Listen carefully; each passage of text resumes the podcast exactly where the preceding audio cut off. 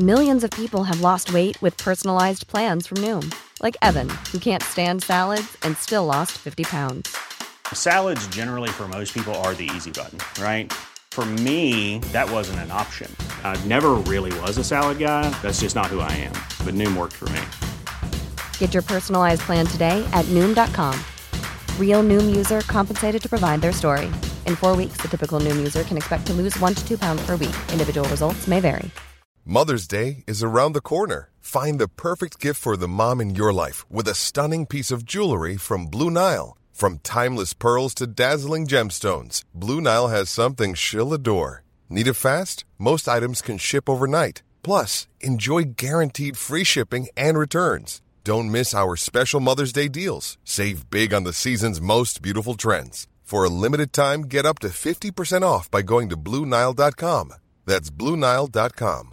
Planning for your next trip? Elevate your travel style with Quince. Quince has all the jet setting essentials you'll want for your next getaway, like European linen, premium luggage options, buttery soft Italian leather bags, and so much more. And it's all priced at 50 to 80% less than similar brands. Plus, Quince only works with factories that use safe and ethical manufacturing practices. Pack your bags with high-quality essentials you'll be wearing for vacations to come with Quince. Go to quince.com slash trip for free shipping and 365-day returns.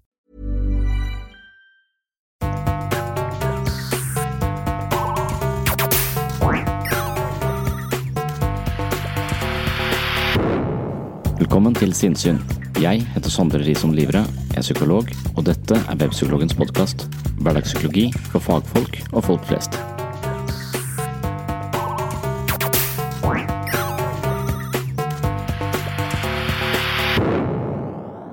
Dette er andre økt i Mandal.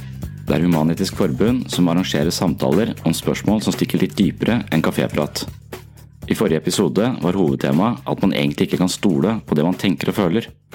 Vi snakket om dette i en times tid, tok en pause, og nå fortsetter vi samtalen med innspill fra publikum. Når publikum får slippe til, blir tematikken mest springende, men ikke mindre interessant. Jeg husker ikke alt vi snakket om, men jeg husker at vi snakket om store fortellinger og hvordan mytologi kommuniserer til mennesker på en annen måte enn gode råd.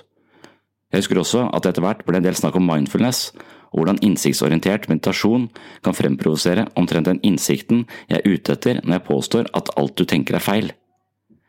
Mitt råd er at man forsøker å ta både tanker og følelser litt mer med en klype salt, eller man kan bruke et mer vulgært språk på det, gi litt mer faen. Å gi mer faen er også mantraet til Mark Manson, som har skrevet boken The Subtle Art of Not Giving a Fuck. Han mener at mennesker i altfor stor grad bryr seg for mye. Små barn kan eksplodere fordi fargen på en ny genser er feil. De reagerer voldsomt på ting som er helt ubetydelige i et større perspektiv. Denne tendensen finner vi også hos voksne mennesker, og problemet, ifølge Manson, er at majoriteten av oss ikke mestrer den subtile kunsten å gi faen. Det kan høres ut som om denne beskjeden kommer fra en oppstandasig pubertal nihilist som har gitt fullstendig opp, men slik opplever jeg ikke Mark Manson når jeg leser boken hans. Han snakker kanskje et slags ungdomsspråk med mye banning, men jeg tror han treffer et bredt publikum med noe av den samme beskjeden vi finner blant annet i de østlige visdomstradisjonene. Her får vi vite at ego er en størrelse som lurer oss til å tro at vi alltid mangler noe, og at vi må kompensere for denne mangelen for å leve et bedre liv. Slik kan man lures inn i et anstrengt livsløp på konstant jakt etter noe som mangler, og på den måten gå glipp av hele livet. Ego bryr seg veldig mye om mange trivielle ting, ofte fordi det føler seg forsmådd og forlanger en kompensasjon for å utjevne en opplevd ubalanse, og med slik mentalitet kan en gammel vase få utrolig stor betydning i et arveoppgjør. Når vi skjønner at ego lurer oss inn i livsfeller og krampaktige livsstrategier basert på snevre perspektiver og merkverdige prioriteringer, kan vi avsløre disse manipulerende tendensene i vårt eget ego, noe som gir oss nye muligheter for å senke skuldrene og oppnå en helt annen form for indre ro og harmoni. Mark Manson mener at dette handler om å gi faen, men han poengterer også at det handler om å gi faen i ubetydelige ting, slik at man faktisk kan bry seg mer om de tingene som virkelig har verdi og da er det ofte snakk om gode relasjoner til andre mennesker og kanskje en større omsorg for moder jord. Jeg likte boken til Mark Manson, selv om jeg aldri har lest så mange banneord i en og samme bok før. I løpet av samtalen du snart skal få høre, ble jeg spurt om meditasjon, og jeg ble spurt om hvilke meditasjonsveiledere eller meditasjonsapper jeg anbefaler. På det området har jeg ikke så mange råd, fordi jeg selv har falt ned på Sam Harris som den beste meditasjonsveilederen for meg. Etter dette valget har jeg ikke prøvd så mange andre. Jeg har et stort utbytte av den nye til Sam Harris, som egner seg både for amatører og mer trente meditasjonsutøvere. Før vi går til dagens samtale i Mandal, skal du få med deg en rask liten meditasjonsøkt som jeg tror er i Mark Manson-ånd. Hva syns du egentlig om det her? Sit or lie comfortably, quietly. Allow yourself to be here, fully, in this moment. With your eyes closed, begin to connect with your inner world of thought and feeling. Gradually, let the horseshit of the external world fade from your awareness. If you find your mind wandering to other thoughts, don't let it concern you. Just acknowledge that all that shit is fucking bullshit. You're here now, in this place, with your inner stillness. Those bitches can't get under your skin. They can't even. Take in a deep breath. Now breathe out. Just feel the fucking nonsense float away. Take full, deep breaths. Breathe in strength. Breathe out bullshit. Allow your breathing to discover its own natural, unhurried pace. If your thoughts drift to the three ring shit show of your life, bring your attention back to your breathing. And with each breath, feel your body saying, fuck that. With passive acceptance, just allow distracting thoughts to float by. Fuck that. With each breath you take, your thoughts become lighter, and all the soul eating cocksuckers just fall away into nothing. Take a moment to appreciate the silence. Those assholes can't piss all over a purity like this. You are weightless, timeless, without beginning or end. Completely relaxed and free of thought. And as you slowly open your eyes, greet the world and everything in it with a new, beautiful breath of fuck that. Så skal jeg benytte anledningen til å stille et spørsmål som jeg har, som har kommet opp hos meg. Da. Og det gjelder det, Sandra, du etterlyser eh, at du må ha noen store fortellinger. Men det er tydeligvis ikke så fort gjort å, å lage en sånn stor fortelling. 2000 år. Ja, 2000-3000 nesten. Ja. Tenker på Odysseen og Bibelen og sånne ting. Ja. Um, så har du noen forslag til hovedplott i en sånn fortelling som kunne virke for Humanitisk og hvordan vi skulle lagt den? Ja. Nei, jeg, jeg tror det er veldig veldig vanskelig. Og, og dette er som Jordan Peterson-stoff eh, for tiden. En, eh, en sånn psykolog som eh, går sånn, sånn farsott over hele, hele verden, egentlig. Og jeg lurer på om han kanskje er inne på noe, da. Eh, han diskuterer ofte med litt mer sånne kjente ateister som Sam Harris og, og, og jeg, jeg tror nok han er kristen, så jeg lurer litt på det, men, men at man eh, men, men jeg har alltid øh, lurt på om at øh, jeg tenkte skal jeg melde meg ut av statskirken. Og så da tenkte jeg kanskje ikke jeg gjør det. Kanskje jeg skal bare begynne å lytte til Bibelen på en annen måte. At, vi kanskje, at det ville være mulig også å dra veksel på den samme kulturarven, men ikke, øh, men ikke nødvendigvis spille det vanlige religiøse spillet. Og, og da ville kanskje mer sånn Det som er Jordan Petersens forslag, er, kommer fra Jung, egentlig. Denne psyko... analytikeren eh, som, som var eh, Freud sin eh, fremste elev og kronprins. Og som Freud tenkte at det skulle videreføre psykoanalysen. Og han var ikke jøde, så han tenkte at det skulle da bli litt spre seg litt, litt videre. Men, og, men etter hvert så ble han litt merkelig, og han er også ofte assosiert med New Age-bevegelser. Men, men han ser liksom han, ser, han leser disse fortellingene på en annen måte, som litt jeg tenker at vi kan lese kanskje mange, mange fortellinger. Og det er kanskje sånn og det er mange som ateister som er veldig imot, og Sam Harris er spesielt imot uh, dette. Altså, er masse debatter om det nå, men, men, kan man liksom lese kan man lese Bibelen på den måten? Kan man forstå Et eksempel er uh, Adam og Eva uh, i Edens hage. Så, så er jo fortellingen at de, de, ikke må spise av dette treet, og så gjør de det likevel. Og, og dette er jo kunnskapens tre, og man kan si at i det de det, de får vite, da er de forstår forskjellen mellom godt og ondt, og de blir på en måte selvbevisste. Og idet de blir selvbevisste, så forstår de at de også skal dø. Eh, og, og de, eh, de, ser sin egen situasjon, og de ser at de er sårbare og små. Og deres uh, første impuls er å kle på seg og beskytte seg. Beskytte sin, sin, sårbarhet, på en måte. Og Eh, og at dette, denne selvbevisstheten da er en, eh, en, byrde som mennesket nå skal bære. Det å være selvbevisst og ha dødsangst, på en måte, som jeg vært en av mine hovedmotivasjoner for å undersøke de store eh, fortellingene. For å prøve å trenge nærme meg døden da, på en, på en måte. Det er en slags metaspill. Altså, jeg er redd for å dø, eller jeg liker ikke konseptet. Jeg vil helst jeg synes, Så jeg har snakket både med transhumanister som ikke skal dø, ikke sant? jeg har snakket med kristne som har idé om at vi kommer til et liv etter døden osv. Så, videre. så denne, denne erkjennelsen av at vi skal dø, eh, eller at vi er sårbare, eh, det, det kommer av denne selvbevisstheten som kanskje oppsto i Edens hage. Og det Jung mener, er at eh, noe som er litt i tråd med det vi sa i stad, er at dette er en fortelling om det å være menneske. og og vi har blitt selvbevisste, og dette er en byrde vi skal bære. Og hvordan løser vi eh, dette problemet? Og mange mennesker løser det problemet ved å prøve å gå tilbake til en situasjon hvor de ikke var bevisste. Gå tilbake til en ubevisst måte å leve på. Og det gjør vi ved å drikke alkohol eller eh, jobbe for mye eller eh, trene hele tida. Altså, vi prøver å distrahere oss selv vekk fra det. Vi prøver å leve så ubevisst som mulig. Mens Jung Jung at løsningen på problemet. altså Istedenfor å være halvbevisst og sånn vet at du skal dø, men du bare løper ifra denne erkjennelsen, lever på den slitsomme måten, er at løsningen på problemet er å bli enda mer bevisst, på en måte.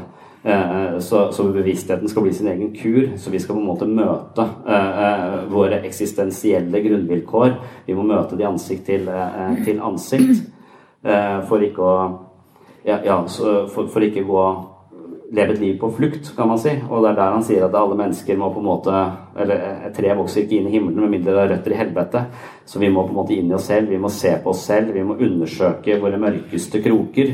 Eh, på, på, sett og vis. Og, og, og, hvis vi gjør det, så kan vi bli Grunnen til at vi ikke er opplyste, ifølge Jung, er at vi nettopp ikke gjør det. Vi undersøker ikke våre mørkeste kroker. og George Peterson er opptatt av at alle skal vite at de kunne potensielt sett vært fangevokter i Auschwitz. Det kan være noe i det. Eh, og hvis du ignorerer det, så kan det dukke opp når du minst venter det. Da, kan du slå dem. Hvis du da er mer bevisst disse sidene, så ser du dem, du kan ha kontroll på dem, og de vil ikke nødvendigvis komme og tubbe deg i ræva uten at du legger, eh, legger, merke til det. Så, eh, så, annen, så, så, denne typen innsikt ligger kanskje i, i denne, disse urfortellingene som en fortetta mening, og som beskjeder til hvordan vi skal leve som, som mennesker. Dette er sånn mytologisk, psykologisk måte å tenke på. At, at uh, akkurat som drømmene forteller oss kanskje noe viktig om måten vi lever på, så vil mytologien vår ifølge Jung være kollektive drømmer som, som uh, bærer på et budskap, men det er på en måte budskapet er uh, komplisert, men det, det, det, kommer også servert i fortetta form. Noe som treffer oss i hjertet, og ikke i hodet. Så, sånn som Sam Harris mener jo hele tiden at ja, du skal bare være rasjonell og forholde deg rasjonelt og hva, og hva, vitenskapen viser. Vi vet hva som er best, og vi skal bare sørge for at alle har det best mulig på best mulig måte. Og det kan vi måle. Vi kan spørre hvordan folk har det, eller vi kan måle hvor mye dopamin de har inni huet sitt. Så, så, han skal ha den rasjonelle veien. Men jeg tror kanskje at jeg tror han overvurderer rasjonaliteten vår. Jeg tror ikke vi bare kan forstå at det er eh, klokt å drikke tran. Jeg tror at vi må drømme at vi får struma og blir kvalt. Så tror jeg vi begynner å drikke til Så jeg tror kanskje måter vi forstår hva som er lurt på, formidles via fortellinger. Og disse fortellingene har på en måte, disse fortellingene har vi eh, dyrka og kultivert i så mange år at de bærer på noe eh, verdifullt. Og hvis vi kan lese det på den måten altså det, eh, det han John Jordan Peterson har jo en hel bibelforelesning på sånn 50 forelesninger hvor han går inn i disse fortellingene og ser dem på den måten. Og kan det være noe der? Altså sånn, I mytologien sier man at hver gang det dukker opp et vann, så er vannet ofte et bilde på vår bevissthet. Og, og bevisstheten eh, og Nede i vannet så bor det ofte noe, et eller annet skummelt faenskap. Og han Ivan eh, John, eller boka 'Jernhans' eh, av Robert Bligh, som er en sånn mannebok, han beskriver også et sånt tjern. og Han har denne Jernhans-fortellingen hvor denne gutten mister gullballen sin ned i dette tjernet. Det tjernet er fullt av hår og faenskap og veldig mørkt. Men, men, han skjønner at jeg må dykke ned i dette for å få tilbake gullballen min, eller jeg kan la være. Og så, så sier eh, Robert Bligh sier at eh, alle mennesker har et sånt tjern inni seg. Og veldig mange av oss bruker mye energi på å unngå dette tjernet. Vi vil ikke komme nær det fordi det er ekkelt og skummelt og mørkt. Så vi lever i periferien, men da lever vi også litt på flukt fra oss selv. Og på et eller annet tidspunkt i livet vårt så kommer vi så nærme at det kommer en hand opp og trekker oss ned i dette tjernet. Og det er depresjonen. Og da kan vi ikke svømme, og vi er på en måte hjelpeløse, og ting blir, blir, mørkt. Så alle mennesker må med viten og vilje gå inn i dette, uh, dette tjernet, stupe ned i det, svømme inn i dette håret, prøve å, å forstå det, svømme opp og på en måte leve fritt. For da lever du ikke i frykt for å havne Lære å svømme, på en måte lære å lodde dybden i seg selv. Og det er ikke så lett, men vi har fortellinger som veileder oss. Så, så fortellingene kan være et slags kollektivt operativsystem som er tilgjengelig Eh, så uten disse fortellingene så blir livet bare en tilfeldig ansamling av opptur og nedtur, og vi må finne opp hjulet på nytt. Vi må forstå hvordan vi skal utlede mening av dette her. Eh, mens dette er allerede gjort for oss. Så mennesket er en helt spesiell skapning. altså Mens andre dyr ofte har alt de trenger for å overleve koda inn i DNA-et, så må mennesker Vi har mye koda inn i DNA-et vårt, men vi må i tillegg ha fortellinger som veiledere i livet. Eh, på, på, en måte.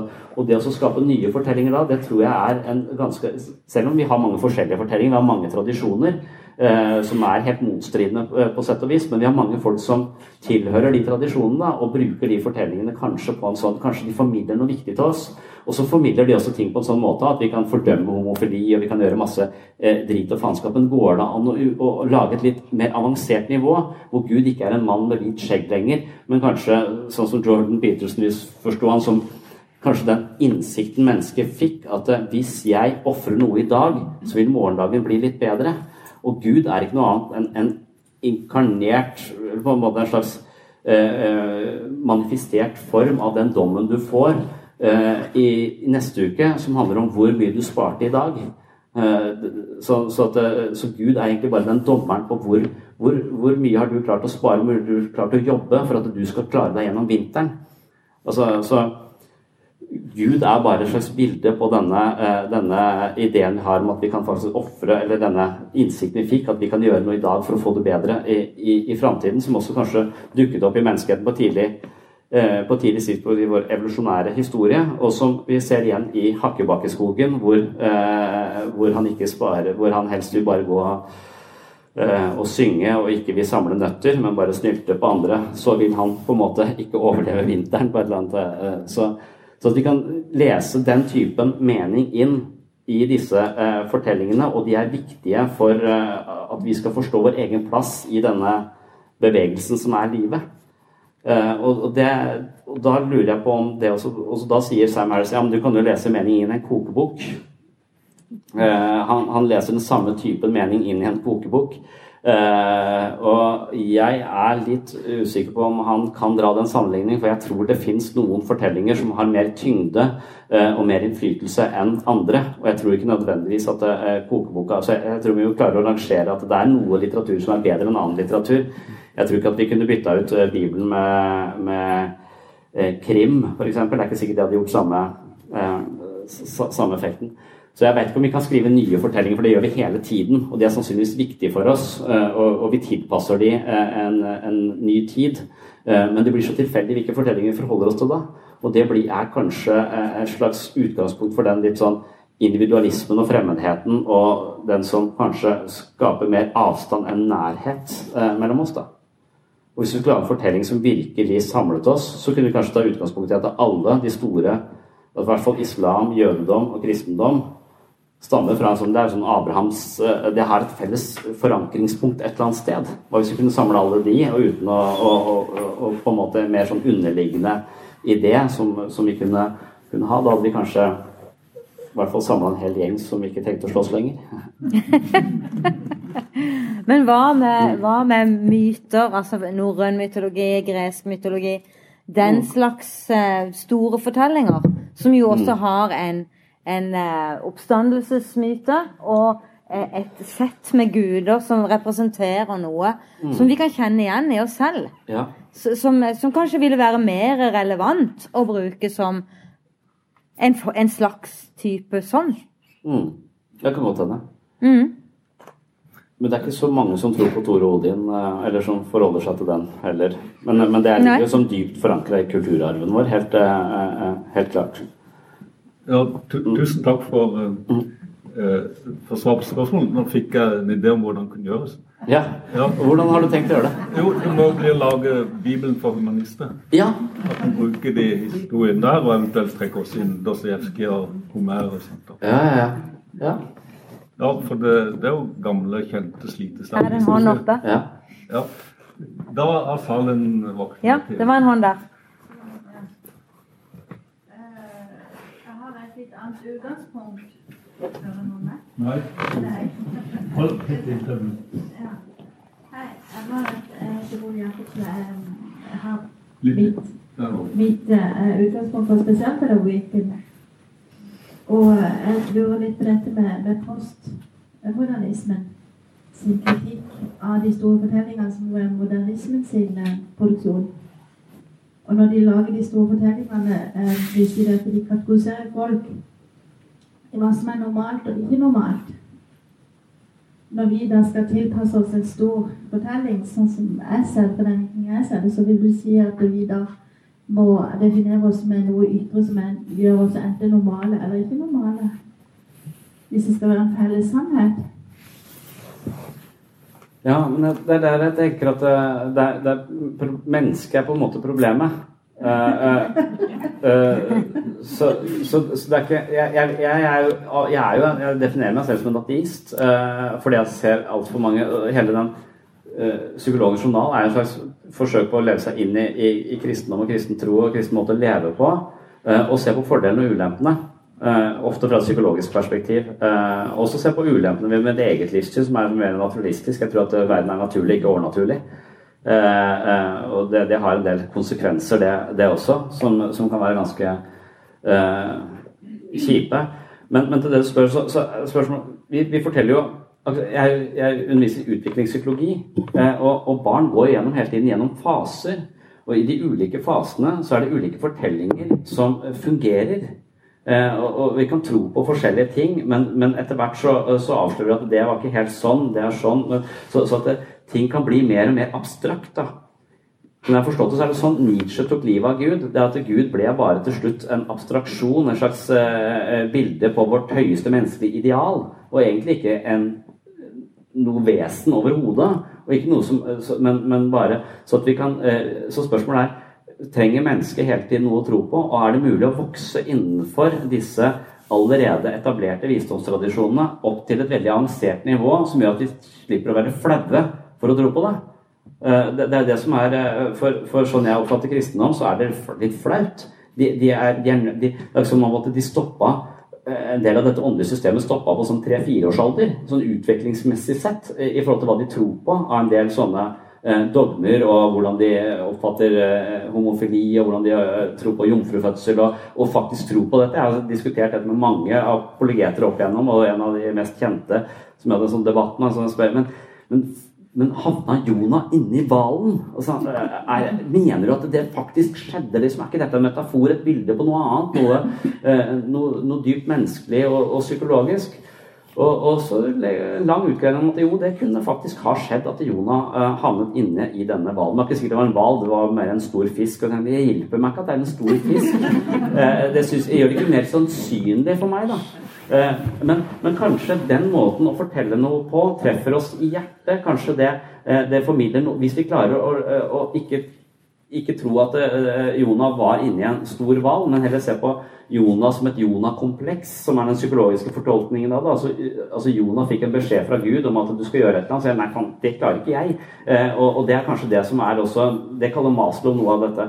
Maslow som kaller det Jonah-kompleks og sier at mennesket også er redd for sin egen storhet, sitt eget potensial. Vi er redd for å på en måte utvikle oss og lykkes. Eh, eh, for fallhøyden er så stor, så derfor så vil Jonah helst eh, at Gud skal velge noen andre, og, og, og ikke han. Eh, så, og, og hva skjer? Så, så det er mange sånne måter å å, å, kunne lese dette på, så vi kanskje kan vokse i hvor vi slipper uh, flaue fortellinger om, om, store fisker og jomfrufødsel og, og oppstandelse osv. Men, men at vi kan bygge innad i det systemet som allerede er etablert og har en praksis og har en, en, en lang tradisjon. Det, det, jeg er ikke sikker på dette, men jeg kunne tenke meg at det kanskje hadde vært Hvis vi bare kaster alle de store fortellingene ut med badevannet, hva står vi tilbake med, er da spørsmålet. Uh, ja. Da syns jeg du har et godt forslag i det å gå inn i oss sjøl og lage vår egen lille fortelling, og så ja, ha den god. Ja, ikke sant? Og, og, være forfatter egentlig Og da, da, tenker jeg nå har da endelig psykisk helsevern overtatt for eh, kirka. for det er der vi gjør det. Vi har ikke annet sted å gjøre det. Men det syns jeg er en trist konklusjon. Altså. Eh, skal psykisk helsevern ha den jobben? For det er det eneste stedet jeg vet at vi liksom jobber aktivt med å gå inn i oss. Men man gjør det på andre. Man gjør det her på biblioteket. Jeg driver noe jeg kaller biblioterapi. De bøkene her handler om uh, Det er det jeg kaller biblioterapi, som handler om å lese tekst, forstå en tekst og trenge dypt inn i den teksten og se fins det noe kunnskap jeg kan adoptere til mitt liv som kan vise meg vei i denne mørke fasen. Uh, og det biblioterapi det tror jeg praktiseres rundt på noen biblioteker. faktisk, Kanskje ikke i Norge, det vet jeg ikke. men Først så kalte jeg bare kollokviegruppe, men så fant jeg ut at kollokvie betyr gruppe, og da ble det gruppegruppe. Så det, eh, det var et dumt ord. Så Derfor kalte jeg det biblioterapi etterpå. Og det er noe av det mest interessante jeg gjør, er liksom å lese tekster sammen med, eh, med folk og undersøke hva forteller dette. Og da er det ofte psykologi- eller filosofitekster. Men skolen kunne vel være en god arena å samles om en del sånne filosofiske tanker om de store fortellingene i mennesket og i humanismen? Mm. Hvis man fikk f.eks. filosofi inn som fag i skolen? Ja. Det er mange som, som tenker at det er en uh, Jeg ringer Udir. Ja, men uh, ja. Mange vil ha mer kritisk tenkning i skolen. Uh, mm. Nettopp fordi at operativsystemet vårt lurer oss så ofte, og vi er dårlige på statistikk, og vi lar oss lure av medier osv. Så, videre. så Så det å forstå litt mer av hvordan vi ikke skal fanges av Facebook, er kanskje en slags psykologisk førstehjelp man må lære folk på tidlig tidspunkt. Da. Uh, ja. Hvis ikke så vil hele uh, operativsystemet deres bli på en måte uh, overtatt av, av, folk med økonomiske interesser i din oppmerksomhet. Mm. og det er andre mennesker som har interesse i min oppmerksomhet, som fortjener det mer. Barna mine, f.eks. Mm. Og, og, når jeg da er hjemme i pappaperm og er mer opptatt av iPhone enn jeg er av at dattera mi klarer å gå, så, uh, så, er ikke det Da vil jo dattera mi i hvert fall få et operativsystem som forteller henne at uh, jeg er nok Han liker meg, men han liker mobilen sin bedre. Så sånn, hvis jeg skal forstå min egen verdi, så må jeg tenke at ja, da er jeg omtrent jeg er på andreplass etter iPhonen. Uh, og hva slags selvfølelse er det? på en måte Hva slags operativsystem er det å vokse opp med? Mm. Så jeg har ofte snakket om at jeg hater min egen avhengighet for, for mobiltelefonen, og, og der skal jeg der har jeg faktisk bestilt en sånn strømgreie. Øh, så, så vi med Ja, men der fins. Hvis du, du, du er en app og så uh, sånn strømmebånd rundt uh, handa. Så hvis jeg er på Facebook mer enn fem minutter i løpet av en hel dag, så blir jeg støtt. uh, men jeg har ikke fått det. det er veldig, så, men jeg skal rapportere tilbake om det kommer til å om det, det funker. Interessant. ja. Veldig. For atferdsterapi på meg selv har jeg lov til å drive. jeg har bare ikke lov til å gjøre det på andre. Vær så god. Ordet er fritt.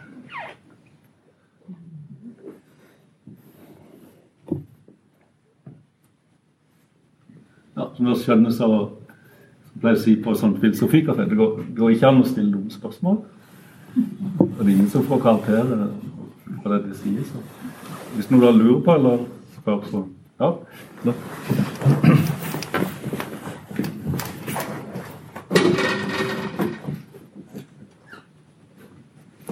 Jeg tenkte bare på at du snakker om at du måtte gå utenfor deg selv og tenke på dine egne tanker og tenke på dine egne tanker. Mm. Og så tenkte jeg at går det egentlig an noen ganger å få et slags fasitsvar på det, da, siden uansett de nye tankene som du eh, danner deg, ja. som reflekterer på deg selv, ja. kommer de da til å være forurensa på en måte av andre ting? Sannsynligvis. Så er det da vits i det hele tatt? Eller blir det bare mer Nei, jeg, jeg, det der har jeg slått meg litt til ro med selv, for jeg tenker at det, det, er en slags spennende prosess i seg selv. Da, og en slags, øh, noe som jeg tenker konstituerer en viss grad av mening i mitt eget liv. Og, så, så det er, det er et problem, det du, øh, du påpeker. Og det er også en sånn østlig kritikk av øh, psykoterapi. For psykoterapi er ofte litt sånn Eller Vestens psykologi er litt analytisk anlagt. da. Så, så vi er litt opptatt av å analysere oss selv.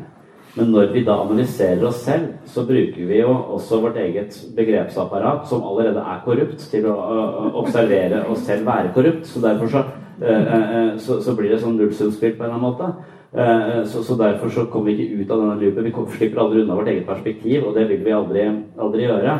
Men, men, jeg tenker hele tiden, idet du beskriver deg selv, så står du utenfor deg selv. Og en terapeutisk samtale skiller seg fra en vanlig samtale fordi den legger opp til at vi skal få, Jeg skal ikke fortelle deg hvem du er, eller hva jeg mener. Øh, jeg skal få deg til å beskrive ditt eget operativsystem. Fordi det du beskriver det, så kan det være at du ser ting du ikke har sett før, når du bare er fanget i det. Så det er denne evnen til å beskrive seg selv. Øh, da, da, da går du ut av deg selv. Og Min sånn favorittdefinisjon på, på, selvutvikling, eller hva man skal kalle det, det, det må være at det, jeg sier at subjektet på ett nivå blir objekt for et nytt subjekt på et høyere nivå. Uh, og Det er en litt sånn komplisert setting, men det er som, uh, som om at jeg tror at det, altså, det jeg er, og det jeg tror om meg selv, uh, det gjør jeg til gjenstand for analyse. Og da blir jeg et nytt subjekt som vurderer meg være meg. Og da ser jeg ting. Og da har jeg ofte flytta meg litt. Da er jeg på et annet sted nå. Jeg har en større oversikt, et større overblikk, og jeg har blitt litt større, litt mer romsligere i dette nye selvet. Men så må dette selvet gjøres til gjenstand for analyse igjen. Og da må jeg ut, og da må dette som var subjektet, det nye subjektet, omgjøres til objekt for et nytt subjekt på enda et høyere nivå. Og så går det helt opp til du når absolutt subjekt, eller Buddhas natur, eller ditt samme ansikt, eller hva alle disse viste Sjel, for den saks skyld. Det alle disse visdomstradisjonene kaller det, som, som, er på toppen, som ingen uh, når. Men det, du kan kanskje komme høyere, og kanskje på hvert høyere nivå så er det litt lettere, litt romsligere, litt mindre fundamentalistisk, litt mindre uh, trangt å leve. Så dermed så tror jeg det er en ganske fornuftig og, og kanskje spennende prosess å gjøre. Men det er vanskelig. fordi at hver gang du skal forlate ditt subjekt, så krever det denne bevisstheten. Og det krever også at du plutselig skal organisere og se ting på nye måter. Og dette nye subjektet, det å etablere et nytt subjekt på høyere nivå, det vil gi deg mer angst og problemer fordi at det skal tilpasse seg, og andre folk skal tilpasse seg det. Hvem er du nå, på en måte? Uh, uh, uh, og, og, veldig ofte så vil folk rundt deg ta deg tilbake til den du var før. Så utvikling er som en sånn seig affære som krever veldig mye innsats. Uh, og angsten vil øke. Så det som Kirkegård sier, at du må våge å miste fotfestet for ikke å miste deg selv, tror jeg er litt sånn sant. Men idet du da mister fotfestet, så faller du litt fritt også, og angsten din vil øke. Så det er angstprovoserende å havne i en, en, en større oversikt over seg selv. For forandring er angstprovoserende. Forandring fryder ikke. Eh, forandring er, eh, skaper ofte bare mer, mer angst. Og det, det, så, så, selv, selv noe av det jeg gjør mest av alt, er å fortelle folk at jeg har et høyere potensial enn det de selv tror. Og da blir de forbanna på meg. Og så sier de at de, ja, du skjønner ingenting av hvordan det er å være meg, osv. De tviholder på denne posisjonen. Ja, men du, du oppfører seg hele tiden som et offer for alle mulige. Eh, for, for, alt i, i, verden. Og den offerposisjonen det er en slags gjørme du aldri kommer ut av. Hvis du tar litt mer ansvar for ditt eget liv, så har du et potensial som ligger helt her oppe. Men da kan du ikke skylde på alle rundt deg hele tiden. Da må du ta litt mer ansvar selv. Og det å på det å leve på nye måter, ta mer ansvar, det er eh, ganske tung og, uh, affære. Særlig hvis du hele tiden har, hele livet ditt har vært et offer for folk som har tråkka på deg så har du identifisert deg som, eh, som dette, og da vet du hvem du er, og du kan planlegge fremover. Eh, men hvis du plutselig kan se på deg som en person som tar ansvar og, eh, og har potensial langt her oppe, så er fallhøyden mye større, men også muligheten for å få et mye mer meningsfullt liv ekstremt mye, mye større.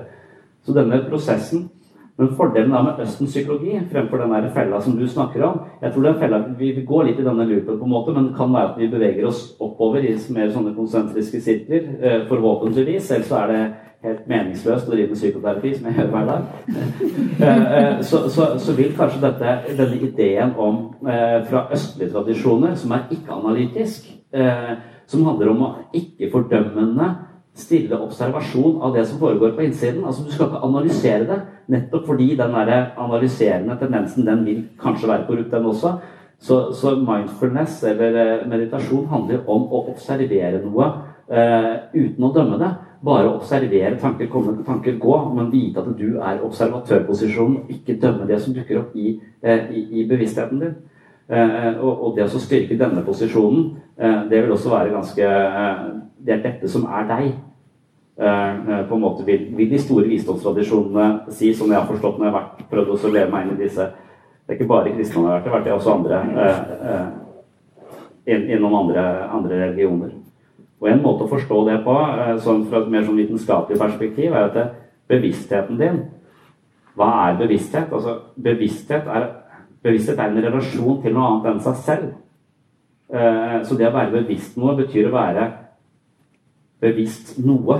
Altså, og, det vi, eh, og, det som er det å være menneske, er ofte at vi er bevisst vårt eget ego. Og vi tror at vi er det egoet, men dypest sett så er vi bevisstheten om det egoet. Eh, så, så hvis vi ser for oss bevisstheten som et rom, så er vi det rommet. Vi er ikke alt det som foregår inni rommet. For det er folk kommer og folk går. Men vi tror ofte vi er der i det rommet. fanget det.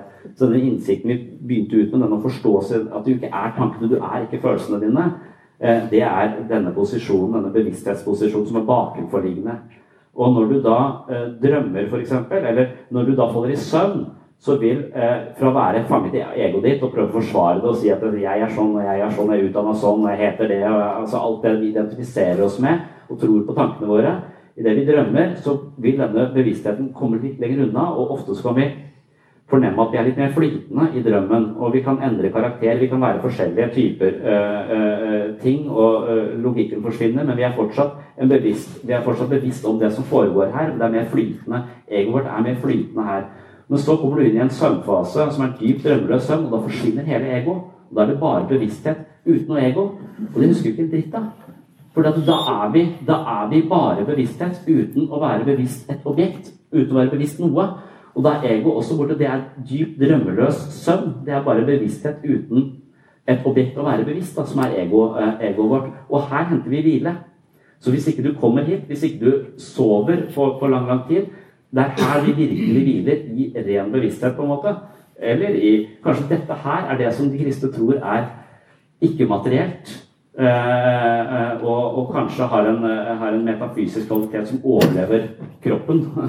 Eh, det, det, må være det de, det de, tror, og tenker at den kan vandre videre til, til himmelriket, eller eventuelt reinkarneres eh, på et annet tidspunkt. Men, men, men, Det er sånn de tenker om det. Men bevissthet trenger ikke være noe så mystisk som det. Men, men, det er ganske tydelig når man jobber i psykisk helse, at hvis ikke du får stå på en stund, så blir du fanget av egoet ditt, og da blir det bare surr, og til slutt så blir du psykotisk. For det er så slitsomt. Det er her du henter hvile. Og meditasjon og det å på en måte beskrive seg selv og ikke være fanget av seg selv, det handler om å pushe litt tilbake Sånn at du ikke er hele tiden fanget av dette operativsystemet og tror på alle tankene og følelsene dine. Og Hvis du har den holdningen at jeg skal være litt mer oppmerksom på hva som foregår på innsida her, så er du litt mer bakenfor, og du kan ofte håndtere livet ditt med mer ro og harmoni. da. Og mindre av denne stress, eh, stressfaktorene. This is Paige, the co-host of Giggly Squad, and I want to tell you about a company that I've been loving, Olive and June. Olive and June gives you everything that you need for a salon quality manicure in one box. And if you break it down, it really comes out to $2 a manicure, which is absolutely insane. It's also so easy to get salon worthy nails at home with Olive and June. The difference between how your nails used to look when you did them yourself and now with the Manny system is a complete game changer. The best thing about Olive and June too is it's a quick dry, dries in about one minute, lasts for five days, and full coverage in up to one to two coats. Visit oliveandjune.com slash perfectmanny20 for 20% off your first system. That's oliveandjune.com slash perfectmanny20 for 20% off your first system. When you're ready to pop the question, the last thing you want to do is second guess the ring. At Bluenile.com, you can design a one of a kind ring with the ease and convenience of shopping online. Choose your diamond and setting. When you find the one, you'll get it delivered right to your door. Go to Bluenile.com and use promo code LISTEN to get $50 off your purchase of $500 or more. That's code LISTEN at Bluenile.com for $50 off your purchase. Bluenile.com code LISTEN. Many of us have those stubborn pounds that seem impossible to lose, no matter how good we eat or how hard we work out. My solution is PlushCare. PlushCare is a leading telehealth provider with doctors who are there for you day and night to partner with you in your weight loss journey. They can prescribe FDA-approved weight loss medications like Wagovi and Zepbound for those who qualify. Plus, they accept most insurance plans. To get started, visit plushcare.com slash weight loss. That's plushcare.com slash weight loss.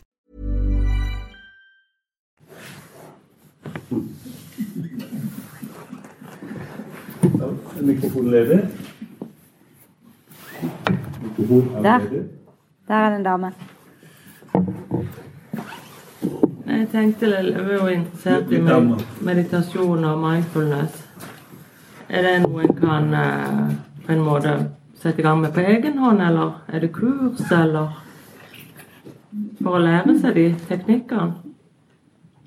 Ja, sånn Der jeg jobber eh, i psykisk helsevern, så, så, er det, så har vi gjort det til en del av vår daglige praksis. Eh, både med pasienter, men også for oss selv. Eh, og Ideen er at kombinasjonen av å analysere seg selv, vel vitende om at vi bruker et litt korrupt apparat til å analysere oss selv, og ikke alltid eh, får de riktige svarene, men kanskje vi nærmer oss et eller annet som er litt, en litt mer romslig forståelse, eh, så vil det også ha en, observatør av oss selv uten å ta stilling til det, være en veldig god kombinasjon. Da. Vi trener hele tiden denne delen. eh, Vi trener hele tiden prefrontal cortex eh, eh, på en måte. Men det med meditasjon, det er jo samfunnet eh, eh, fullt av nå. Eh, Så det handler ofte bare om å finne den veilederen du har mest eh, tiltro til, eh, på en måte, og så kanskje finne ut at, han, at det beveger seg innenfor det som er litt sånn stuereint, og ikke nødvendigvis helt ute i det alternativet. Det er litt vanskelig å skille av og til. Eh, jeg husker jeg var veldig opptatt av Eckhart Tolle. Er en merkelig skrue. Han snakker på en øh, på en øh, av og til helt banal, men av og til hyperkomplisert måte. Så hele, den, hele, hele vesenet fascinerer meg. da, altså Jeg liker den fortsatt, men jeg er litt sånn usikker på om, hvilken, om han er liksom innafor eller utafor. Sånn.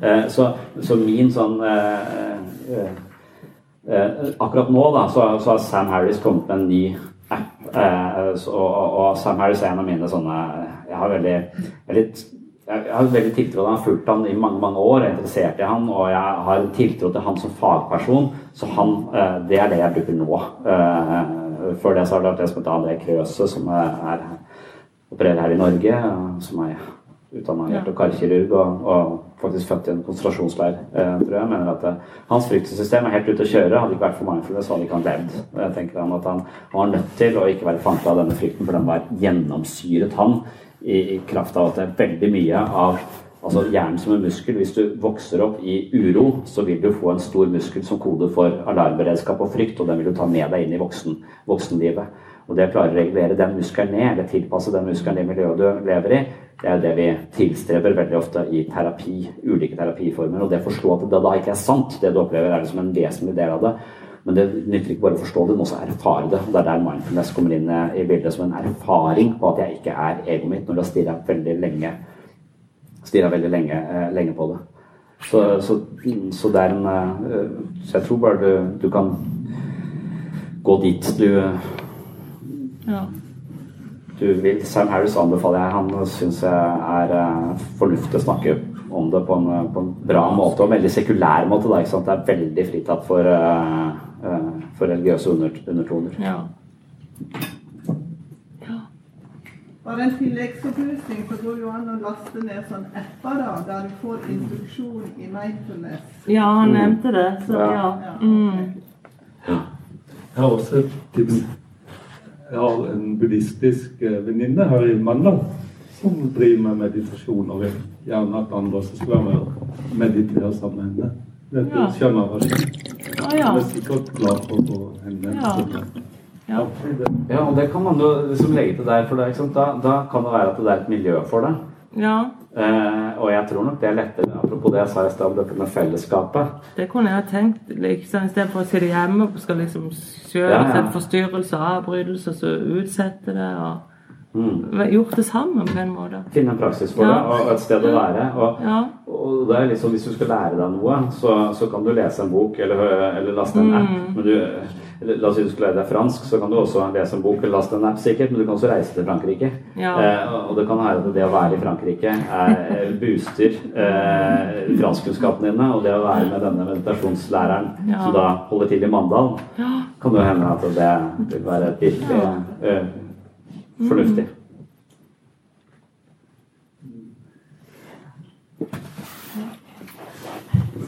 Du nevnte Sam Harris. Ja. Har han kommet med en app? Mm, I går eller noe sånt. Ja, men, men fins det noen apper på norsk? Ja. Ja. Er, jeg har en app som heter Mindfulness, bare, som, er, som snakker eh, norsk. Jeg har flere apper. Men Sam Harris er- han, er, han er liksom Han har eh, Før så har han bare lest i meditasjon på YouTube blant annet, og en del sånne, så jeg har hatt lydspor med han eh, når han guider meditasjon. Fordi jeg, eh, men nå har han systematisert det i den appen, da, eh, som jeg, eh, som jeg akkurat har lasta ned og er i ferd med å utforske. Men det er mye av det jeg kjenner igjen fra før, eh, hvordan jeg har hørt han eh, lede meditasjon. Mm. Det er enda litt tid på spørsmålet, innspill. Vær så god.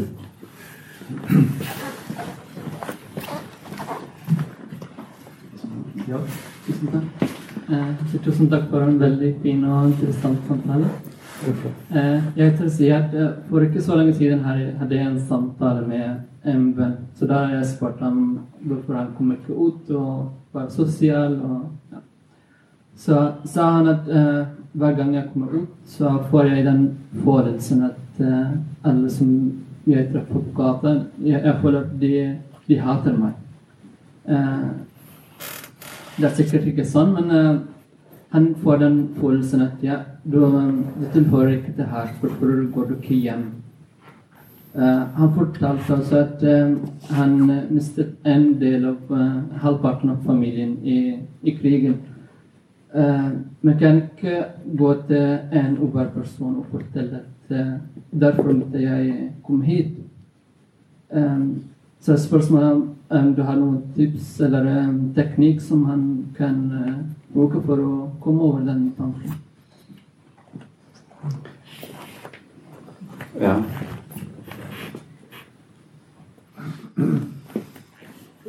Det er ikke Det, er, eh, det krever at han eh, ønsker det, ønsker det selv eh, ofte. Det er veldig vanskelig å hjelpe noen som er fastlåst. Eh, Men det er, jo mulig.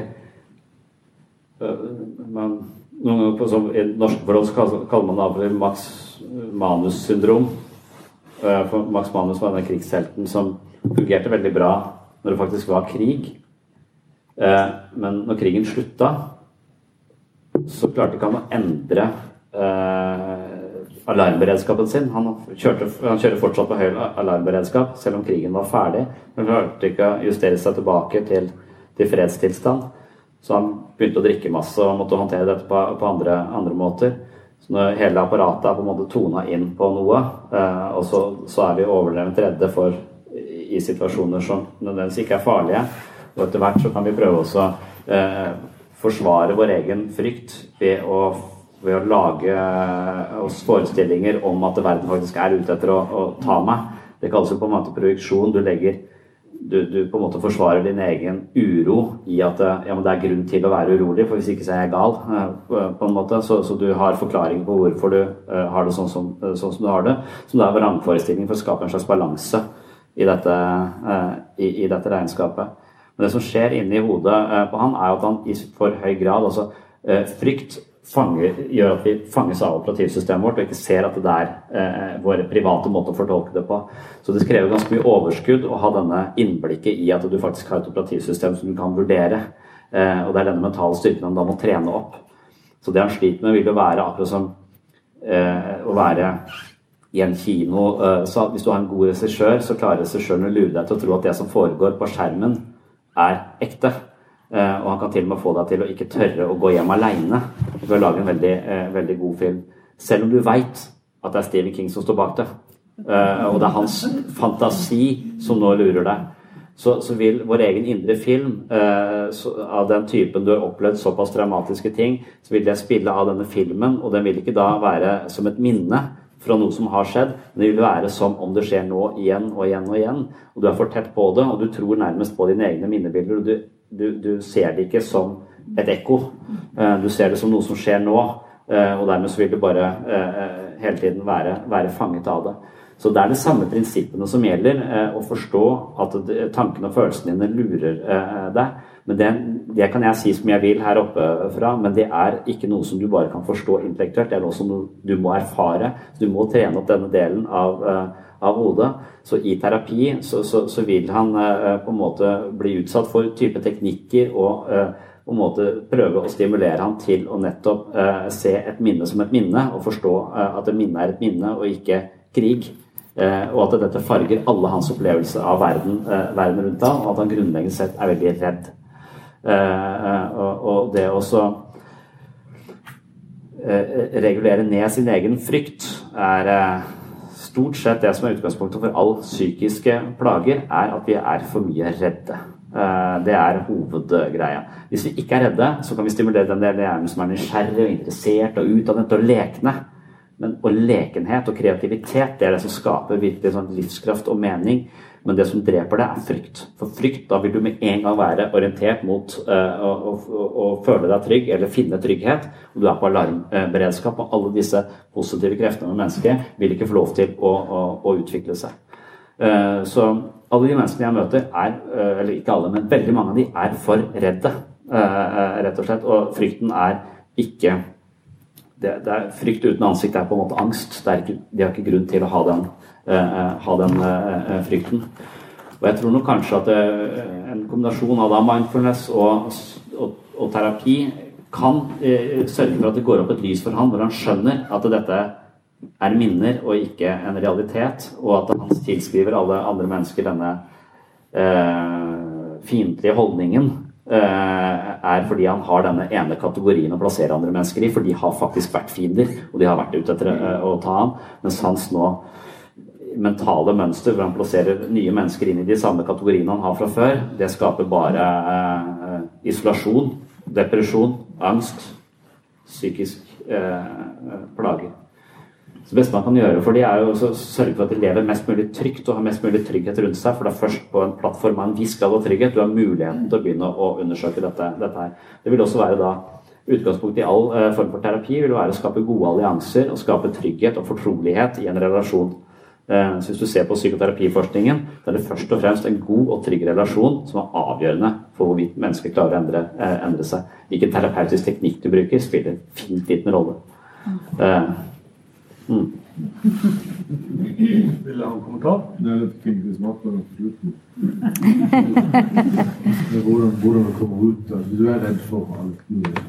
Så er det det. Og så først få en trygg plattform, og så terapi og mindfulness. Ja.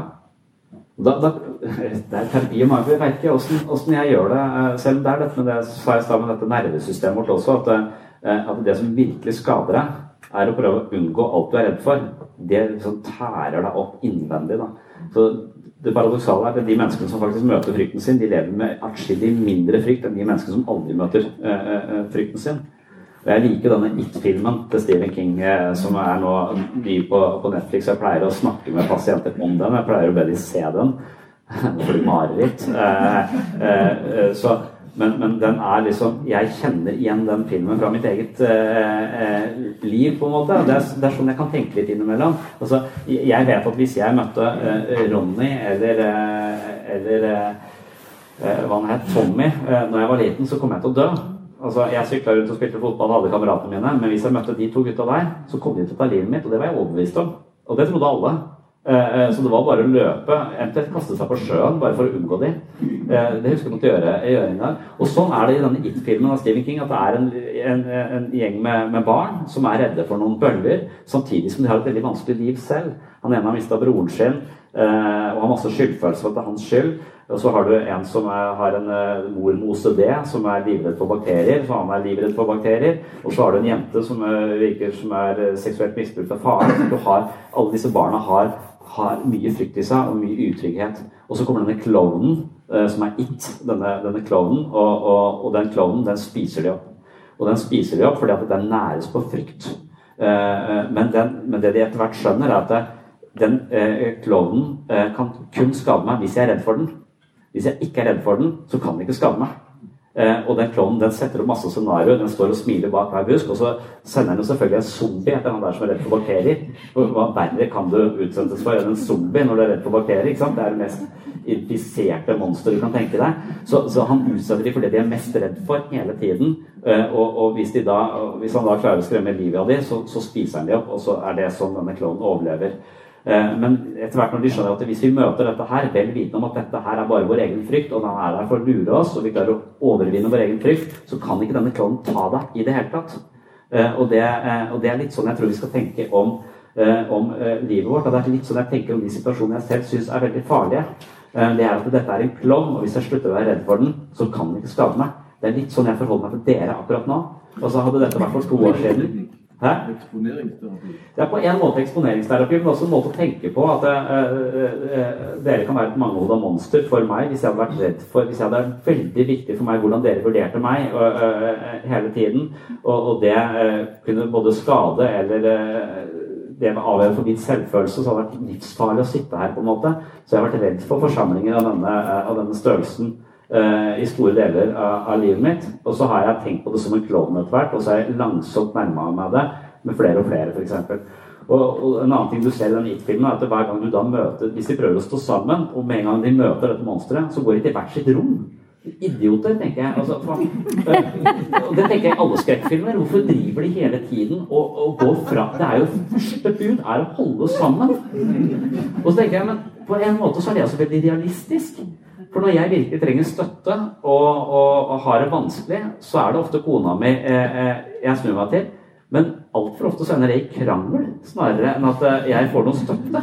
Altså, På en eller annen måte så klarer jeg å skape avstand der jeg trenger nærhet mest. Da. Eh, og det tror jeg også er ganske sånn eh, typisk for mennesket, og det tror jeg også denne filmen, eh, filmen viser oss. Så, så, så i det du kan sette i det, de får av til, Når jeg begynner å tenke på historie på denne måten, så får det en sånn narrativ struktur. Og det blir litt mer sånn Det jeg er redd for som er irrasjonelt, det blir sånn klovner for meg. Og da er de klovnene Det er litt mer Jeg forstår at jeg er redd for de klovnene da. Eh, for det er jo klovner, selv om det bare er en eller annen funksjonær på Nav.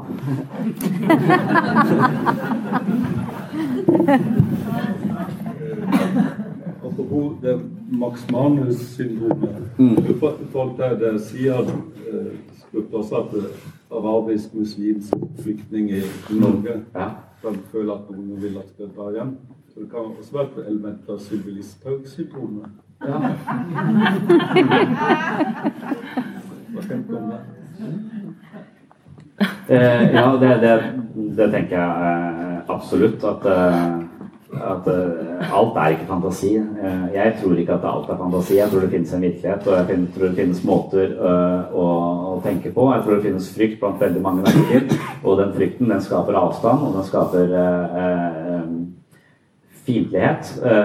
så jeg er helt sikker på at det, det er klare elementer av ja, at, det, at verden, verden, absolutt betyr noe, og jeg tror at vi, det er en del av det som også jeg tenker at det, være interessert i operativsystemet ditt. For det, det er ikke bare sånne feilkoler du har fra, fra den kjipe mora di, eller hva det skulle være. Altså, det er, eh, det er også, du har også blitt en del av kulturen din.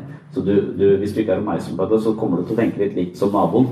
Eh, og hvis naboen uh, er nazist, så er jo uh, det så, så, det er hele, hele, hele, kulturen vi vokser inn i, vil også på en måte gjennomsyre oss. Og det hender at kulturen har måter å tenke på som ikke er spesielt gunstige for kloden eller for kultur kulturen generelt. Altså at vi må, vi må kunne så, så, jeg er helt sikker på at hvis du kommer uh, Jeg tror bare du kan komme fra en annen by i Norge inn til en, eh, til, til, en, til en, by du ikke har vokst opp i, og føle deg litt annerledes utenfor. Og hvis du da kommer fra en helt annen kultur som har et helt annet operativsystem også, og, og, skal møtes inn her, så, er det en kjempeutfordring. kanskje både for vi som de som bor i landet, men også de som kommer inn. Dette er det som Piaget eh, eh kaller assimilering og akkommodasjon. At det, man tenker på at det mennesket hele tiden utvikles. Eh, eh faren til Piaget var eh, ateist og professor, og mora var hjemmeværende kristen. Eh, så han, Han tenkte at hele teorien hans bygger på at uh, mennesker får mentale skjemaer, måter å forstå verden på, og så bruker de disse som barn, og så plutselig så dukker det opp situasjoner hvor skjemaene deres ikke funker. Så må de justere skjemaet sitt i forhold til den nye informasjonen de har fått. Og det er ganske slitsomt, men de er nødt til å gjøre det, for det, skjemaet de hadde, funker ikke. Og da på en måte, Istedenfor å bare tilpasse situasjonen og forstå den ut ifra det skjemaet du har, så er du nødt til å helt, virkelig endre eh, skjema. Det er det jeg snakker om å endre operativsystem. Eh, egentlig. Og når vi møter mennesker med helt andre operativsystemer, så stiller det også krav til at vi er fleksible til å endre vårt. Eh, og det stiller krav til den andre personen at den er også innstilt på å Så at vi kan møte og skape eh, noe som blir større og bedre enn det vi hadde hver, hver for oss. da. Det er kanskje litt den prosessen jeg tenker at noen som er psykisk syke, må gå gjennom det. De må endre operativsystem. Jeg kan endre, jeg kan trene på dette ved å være en menighet. For mitt operativsystem var så fint innstilt mot uh, folk som uh, trodde på noe, at det å omgås de og få justert en del av disse fordommene var viktig for meg. og en det er en selvhjelpsstift. Det plukket jeg opp i en selvhjelpsbok. Vær sammen med folk som tenker annerledes enn deg sjøl. Uh, og, og, så ikke prøve å overbevise de om at du har rett, men lytt til hva de sier. Uh, og, så det, det, det, det, tenker jeg er, eh, er en sunn operasjon for de fleste mennesker. Men jeg tror ikke vi gjør det. Jeg tror mer vi er sånn at vi vil uh, Sylvi Listhaug-aktig og utagere vår egen frykt. Mm -hmm. I Frp.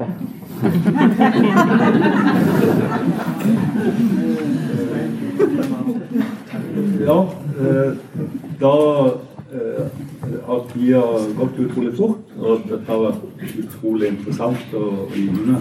Så Sondre og Elisabeth, tusen hjertelig takk for det dere har bidratt til oss her i landet. Så ikke hadde hatt mikrofon i en hånd, skulle jeg ha begynt å klappe.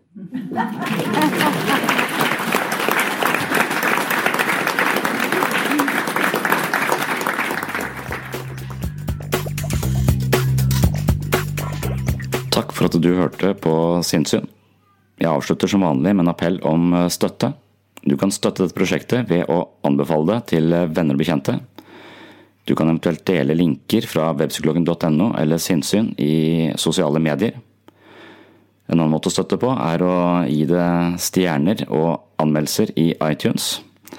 Det hjelper hvis det er gode anmeldelser og mange stjerner iTunes opererer eh, med mange typer lister, og de podkastene som blir hørt mye og får mange stjerner, kommer høyt opp på listene og blir mer synlig.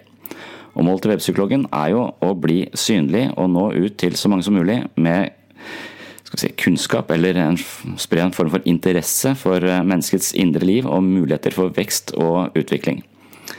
En annen måte å støtte dette prosjektet på av mer økonomisk karakter handler om å kjøpe bøkene jeg har skrevet om selvfølelse, selvbilde, eller den siste boken min som heter Psykologens journal. Hvis du kjøper disse bøkene på webpsykologen.no, så får vårt prosjekt litt, en litt større bit av kaka enn hvis du kjøper det i andre tilfeldige bokhandlere rundt forbi. Og hvis du liker denne podkasten, så er det også ganske sannsynlig at du vil like bøkene, for de er skrevet litt i samme ånd som eh, denne podkasten er eh, laget. Ok, det var det. På gjenhør i neste episode.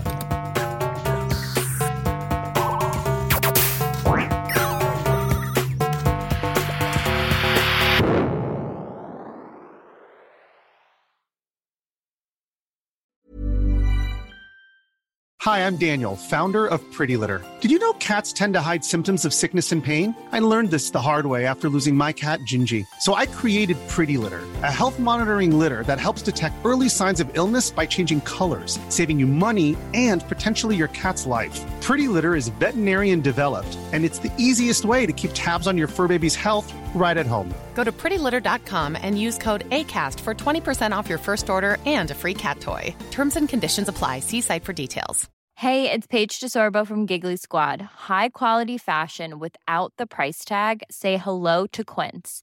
I'm snagging high end essentials like cozy cashmere sweaters, sleek leather jackets, fine jewelry, and so much more. With Quince being 50 to 80% less than similar brands.